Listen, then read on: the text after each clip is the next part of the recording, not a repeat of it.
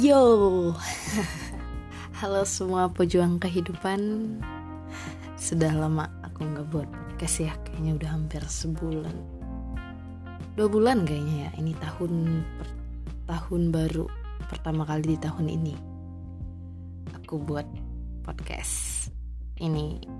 Nah, ya maklumlah, sok sibuk sih lebih tepatnya. Gimana? Masih berjuang dengan kehidupan?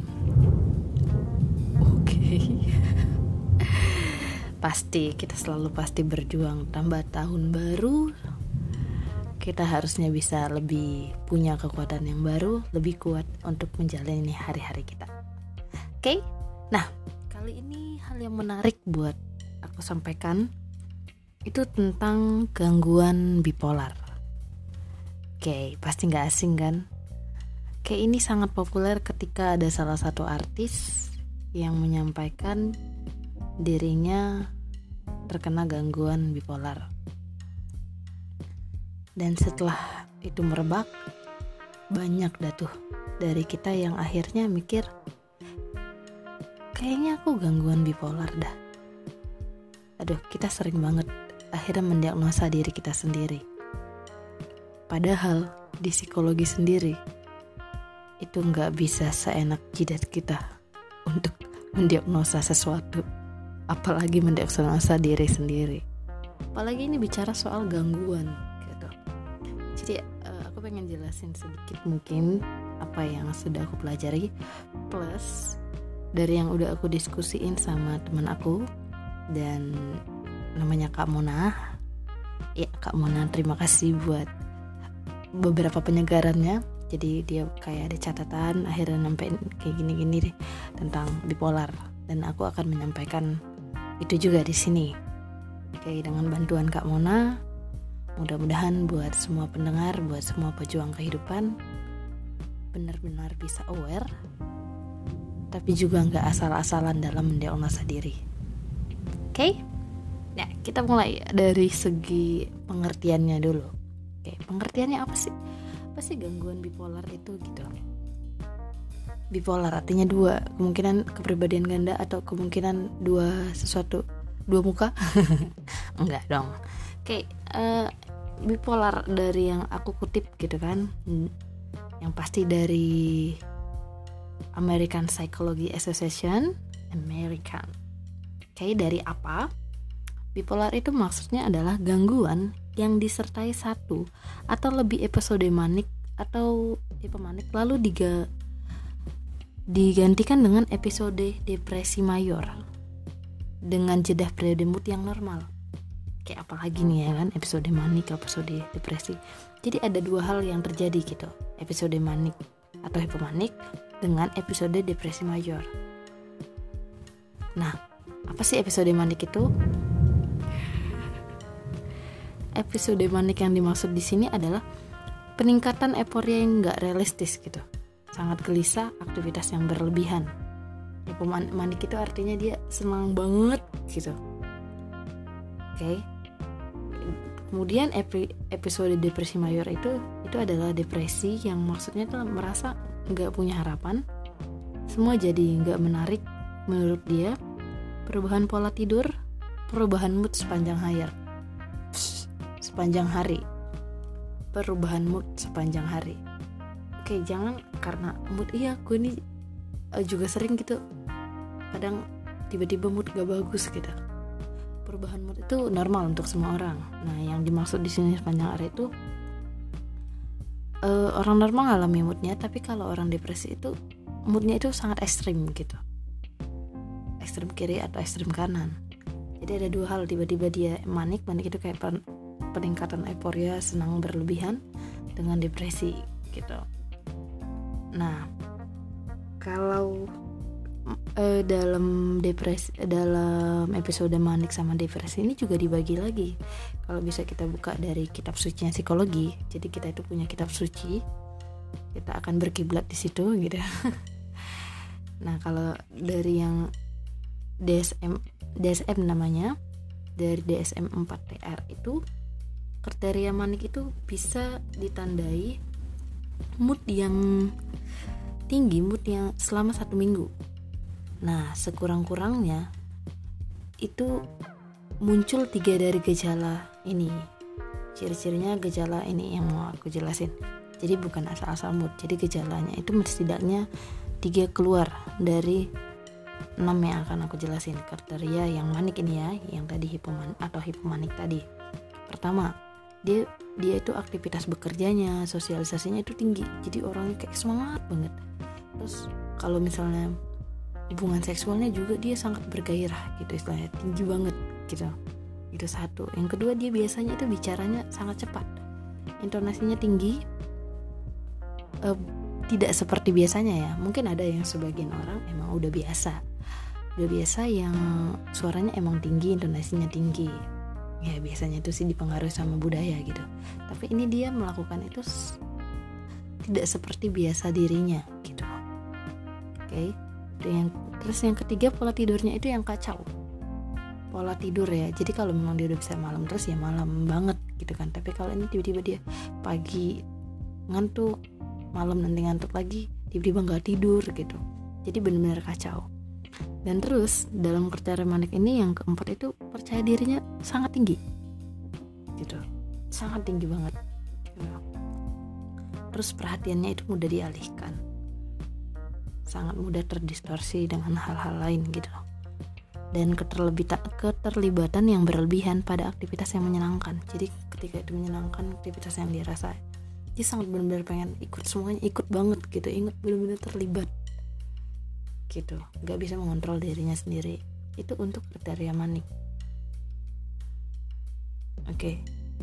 Jadi dari gejala-gejala yang ada minimal tiga tiga dari gejala ini harus dimiliki dari kriteria manik tadi. Ini masih yang maniknya gitu kan. Jadi emang bener-bener kompleks gitu kalau kita mau mendiagnosa seseorang itu mood uh, sorry seseorang itu diagnosa bipolar gitu. Jadi nggak bisa asal-asal nah itu yang bagian maniknya. Katanya kan bipolar itu harus ada episode manik sama episode depresi major nah kalau kriteria depresi gimana pula? Nah kalau kriteria depresi itu biasanya dia sedih sepanjang hari selama dua minggu. Kehilangan semangat. Ini sangat bertentangan hmm, dengan yang episode manik tadi kan kriteria manik. Nah ketika beraktivitas itu dia uh, ciri-cirinya sorry. Ciri-cirinya itu minimal empat gejala dari yang saya sebutkan ini. Gitu kata saya minimal dia harus sudah punya empat. Yang pertama dia insomnia. Pola tidurnya insomnia kacau juga sama kayak manik tadi. Kedua nafsu makannya nafsu makannya itu bener-bener nggak teratur gitu. Dia sangat tidak nafsu makan atau sangat nafsu makan gitu jadi bisa jadi berat badannya tiba-tiba turun drastis atau malah sebaliknya. Berat badannya naik gitu. Tiga itu self image-nya self konsep, konsep dirinya itu rendah. Jadi benar-benar kayak minderan banget gitu. Beda banget kan sama yang tadi yang manik itu tiba-tiba dia percaya diri banget. Kemudian ada sosial talknya.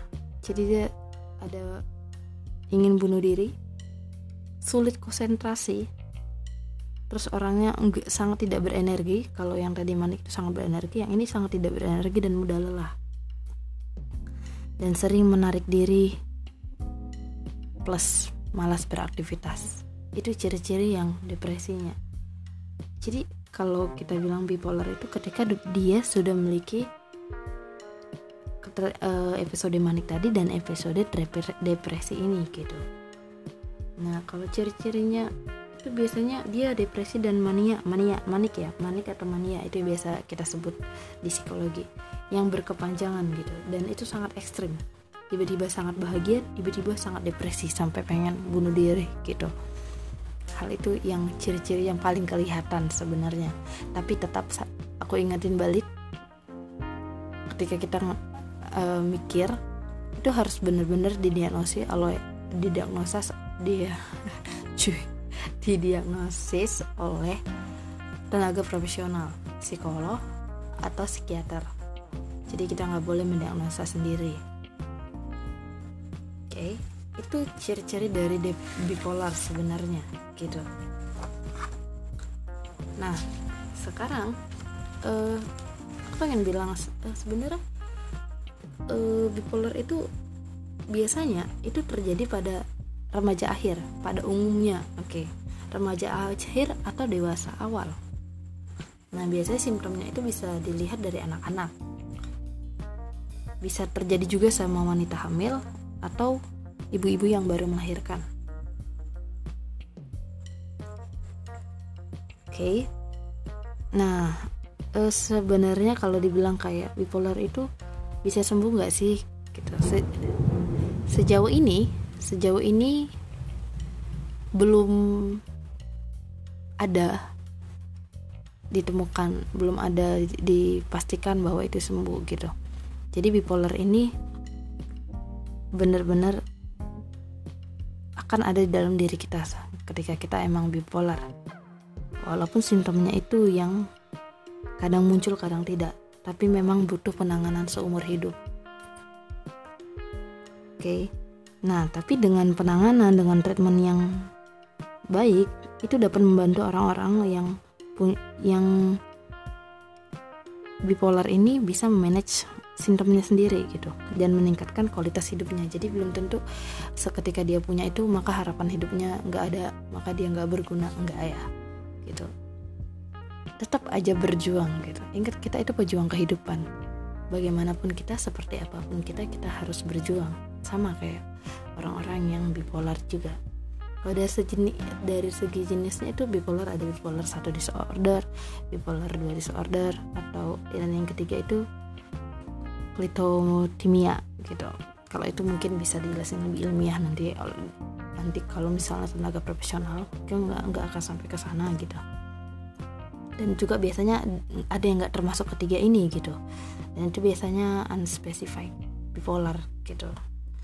Jadi banyak jenisnya Nah, gimana sih penanganannya? Yang pertama, ketika kita ngalamin itu, ketika kita merasa setidaknya, mungkin kita kayak mikir, iya ya, aku kadang sedih-sedih banget, atau kadang aku senang-senang banget. Ingat, datanglah ke tenaga profesional pertama kali.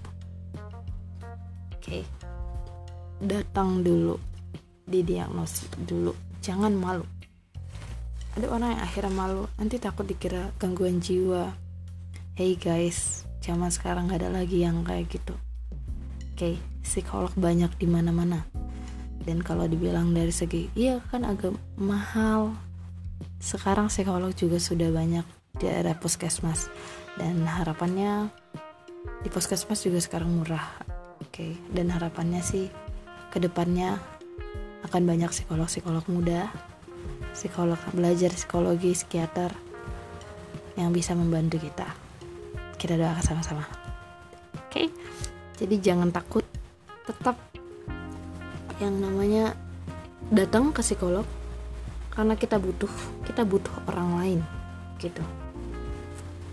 Pertama adalah dapatkanlah get treatment gitu. Ayo kamu harus punya ditanganin gitu. Ketika mengalami itu kita butuh ditanganin. Nah ketika kita sudah tangani apalagi? Tetap terapi. Oke. Okay. tetap minum obat dan terapi itu nggak boleh bolong. Ketika kita udah sampai tahap ini tetap semangat terus. Kita harus tetap rutin dengan hal itu. Balik lagi tadi penanganan itu penting banget untuk kita manage simptom-simptom yang ada. Oke. okay rutinlah structure activities. Artinya kita tetap rutin dengan melakukan aktivitas kita sehari-hari. Belajar kita harus belajar manage mood kita. Kita harus belajar tanda-tanda apa yang keluar dari diri kita.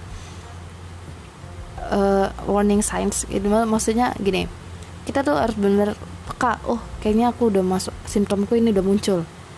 Kita harus peka sama diri kita sendiri dan satu lagi yang paling penting jangan lupa untuk minta bantuan. Ketika simptom itu muncul dan kita rasa ini sangat membahayakan minta bantuan. Cari orang kepercayaan kita. Dan sabar. Kita harus benar-benar sabar. Kita harus belajar sabar. Dan satu lagi jangan mengalihkan ke hal yang buruk seperti alkohol, drugs, stop it. Oke, okay? itu hanya merusak kesehatan kita sendiri. Kita masih tetap punya harapan untuk hidup ketika kita mengalami itu. Kita juga bisa sih buat treatment beyond treatment kita sendiri. Nah, things you can do itu biasanya yang pertama adalah regular exercise. Ada aerobik sama anaerobik. Lakukanlah itu secara rutin kayak jogging, jalan cepat, berenang, sepeda itu benar-benar ngebantu kita kok. Manage hidup kita lebih baik.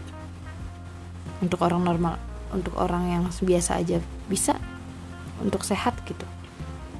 Untuk kita juga orang-orang yang saat ini mengalami yang namanya bipolar. Anaerobik itu kayak yoga, pilates. Itu juga sangat membantu Oke, tetap semangat. Dan keeping life chart artinya kita harus benar nulis rutin nulis rutin buat laporan. Bagaimana kondisi kita saat ini? Self report kita sendiri self rating kita. Oh gimana nih ya uh, mood kita hari ini? Setinggi apa? Data aktivitas data kita data activity kita itu bisa kita report ke psikolog kita atau ke sahabat kita. Kita benar-benar harus tahu sudah tahap di mana kita bisa mengontrol diri kita dengan cara seperti itu okay. nah dari mana sih sebenarnya datang bipolar? Sejauh ini sih nggak uh, yang paling dilihat itu belum ada yang gimana. Penelitian sekarang ada yang bilang bahwa bipolar itu ada masalah dari brain structure-nya dan fungsinya gitu. Jadi ada masalah katanya orang yang orang bipolar itu punya struktur otak yang berbeda sama orang normal lainnya. Itu dalam penelitian dibuktikan kedua genetiknya gitu tapi sayangnya adalah pengobatan sekarang belum banyak yang yang khusus untuk melihat ke strukturnya gitu struktur otaknya gitu jadi belum banyak berobat ke situ masih masih sekitar treatment-treatment saja gitu. Nah, pengobatan apa aja sih biasanya untuk bipolar? Oke, kalau di Indonesia saya kurang mas aku masih kurang tahu gitu kan. Tapi uh, yang aku baca gitu kan. Yang pasti medication and psychotherapy itu pasti. Gitu. Obat-obatan dibarengi dengan psikoterapi. Nah, biasa obat-obatan itu biasa dikasihnya itu antipsikotik gitu. Oke. Kalau psikoterapi biasanya itu ada yang namanya talk terapi terus CBT cognitive behavioral therapy dan psycho education. Itu biasa yang dipakai untuk orang-orang yang bipolar gitu. Kalau untuk lebih lanjut boleh dibaca ya gitu. Untuk jelasinnya ini hanya sekedar kalau informasi-informasi umum aja.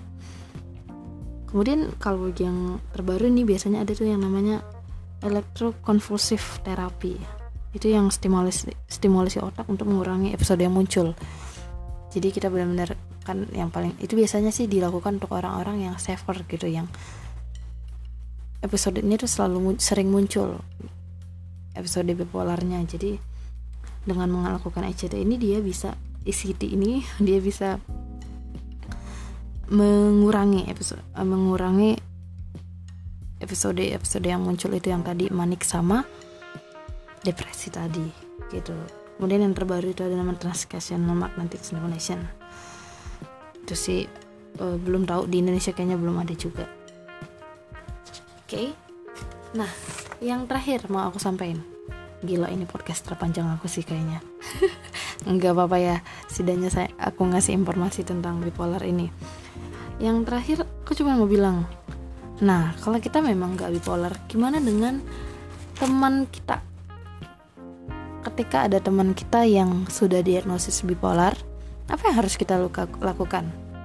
Oke, okay? atau mungkin ada teman kita kecenderungan ke sana. Coba diskusikan gimana apa yang mau kita tunjukin, apa yang mau kita sampaikan ke dia ya. Gitu. Tenang, kita sebagai teman juga bisa membantu. Satu-satunya satu hal yang dapat kita lakukan itu untuk nolong seseorang dengan gangguan bipolar dengan memberi dia dukungan sosial. Oke, okay? dukungan sosial itu seperti apa? Jadi di sini uh, ada empat hal gitu. Yang pertama, dukungan emosional. kita harus memberikan pujian atas hal-hal positif yang sudah dia lakukan. Dorongan atas perasaan gitu. Jadi dia butuh itu gitu. Ketika misalnya dia sudah tahu nih contohnya dia udah tahu dia bipolar dia lagi berobat di bipolar eh, jangan membuat dia jadinya malu untuk menyampaikan itu sama kita karena kita menjudge dia. Lu nggak normal don't say that please. Oke okay. dia teman kita. Ketika seperti itu mungkin waktu dia berobat sekali kita bisa kasih dukungan emosional kayak wah keren banget kamu bagus dong harus kayak gitu. Pelan-pelan pasti bisa. Ketika dia mencoba memanage emosinya you can do it. Hal sederhana bisa kita lakuin gitu. Hal sesederhana itu loh itu sangat ngebantu. Kemudian ada yang namanya dukungan instrumental dukungan instrumental itu adalah bantuan secara langsung gitu ada kelihatan gitu. Kayak misalnya kita ngasih minjem duit atau kita ngasih duit waktu dia mau berobat. Jadi kayak langsung bantu pekerjaan dia gitu. Hal-hal itu bisa kita lakuin gitu. Mungkin pas saat episodenya muncul dia lagi bener-bener kayak depresi gitu. Apa yang kita lakuin? Mungkin kita bisa mengambil alih pekerjaannya perlahan. Oke. Okay. terus gimana yang ketiga itu adalah dukungan informatif memberikan nasihat saran dan umpan balik nah ini bagi mungkin bisa bagi buat teman-teman kita yang kita rasa ada kecenderungan ke sana Oke, okay? ingat kecenderungan bukan akhirnya kita ngejudge-nya. Mungkin kita bisa ngasih nasihat secara perlahan. Gimana kalau nggak ke psikolog? Gimana kita coba datang ke sana? Nggak apa-apa kok. Gitu. Kadang ada orang yang malu untuk datang ke sana karena dia merasa aneh. Tapi ketika ada teman kita yang bantu mendorong itu mungkin dia jadi lebih semangat untuk mau mendiang dia mau memeriksa dirinya gitu. Kamu bisa membantu dalam hal itu loh. Dan yang terakhir itu network support. Artinya ada suatu kelompok kelompok itu kita punya kepedulian self belonging terhadap suatu kelompok gitu. Nah bahkan ketika kita pun mengalami masalah yang sama gitu sama kayak orang yang punya masalah sama-sama kita bisa diskusi bareng-bareng itu bisa saling ngebantu kita loh dan itu sangat dibutuhkan oleh orang-orang bipolar Oke, jadi jangan merasa dirimu gak berguna ketika punya temen yang lagi sedih, yang lagi ada gangguan. We can do this. Kita bisa melakukan dukungan sosial kita. Kita ngeba bisa ngebantu orang kok dalam hal ini. Dan sesederhana itu saja itu sangat sangat sangat membantu. Oke, okay? karena berjuang untuk kehidupan kita nggak sendiri. Semua orang berjuang dengan masing-masing jalannya. Dan kalau kita bisa bersama, ngapain sendiri? Iya kan? Jadi tetap bergandengan tangan, peka dengan sekeliling, kita bisa ngebantu orang-orang. Dan jangan salah, ketika kita ngebantu orang lain, kita juga bisa merasa terbantu dengan itu. Oke, itu sekitar untuk bipolar. Thank you buat hari ini. Kritik dan saran pasti sangat membantu saya dalam melanjutkan podcast-podcast ini. Oke, terima kasih. Salam pejuang kehidupan.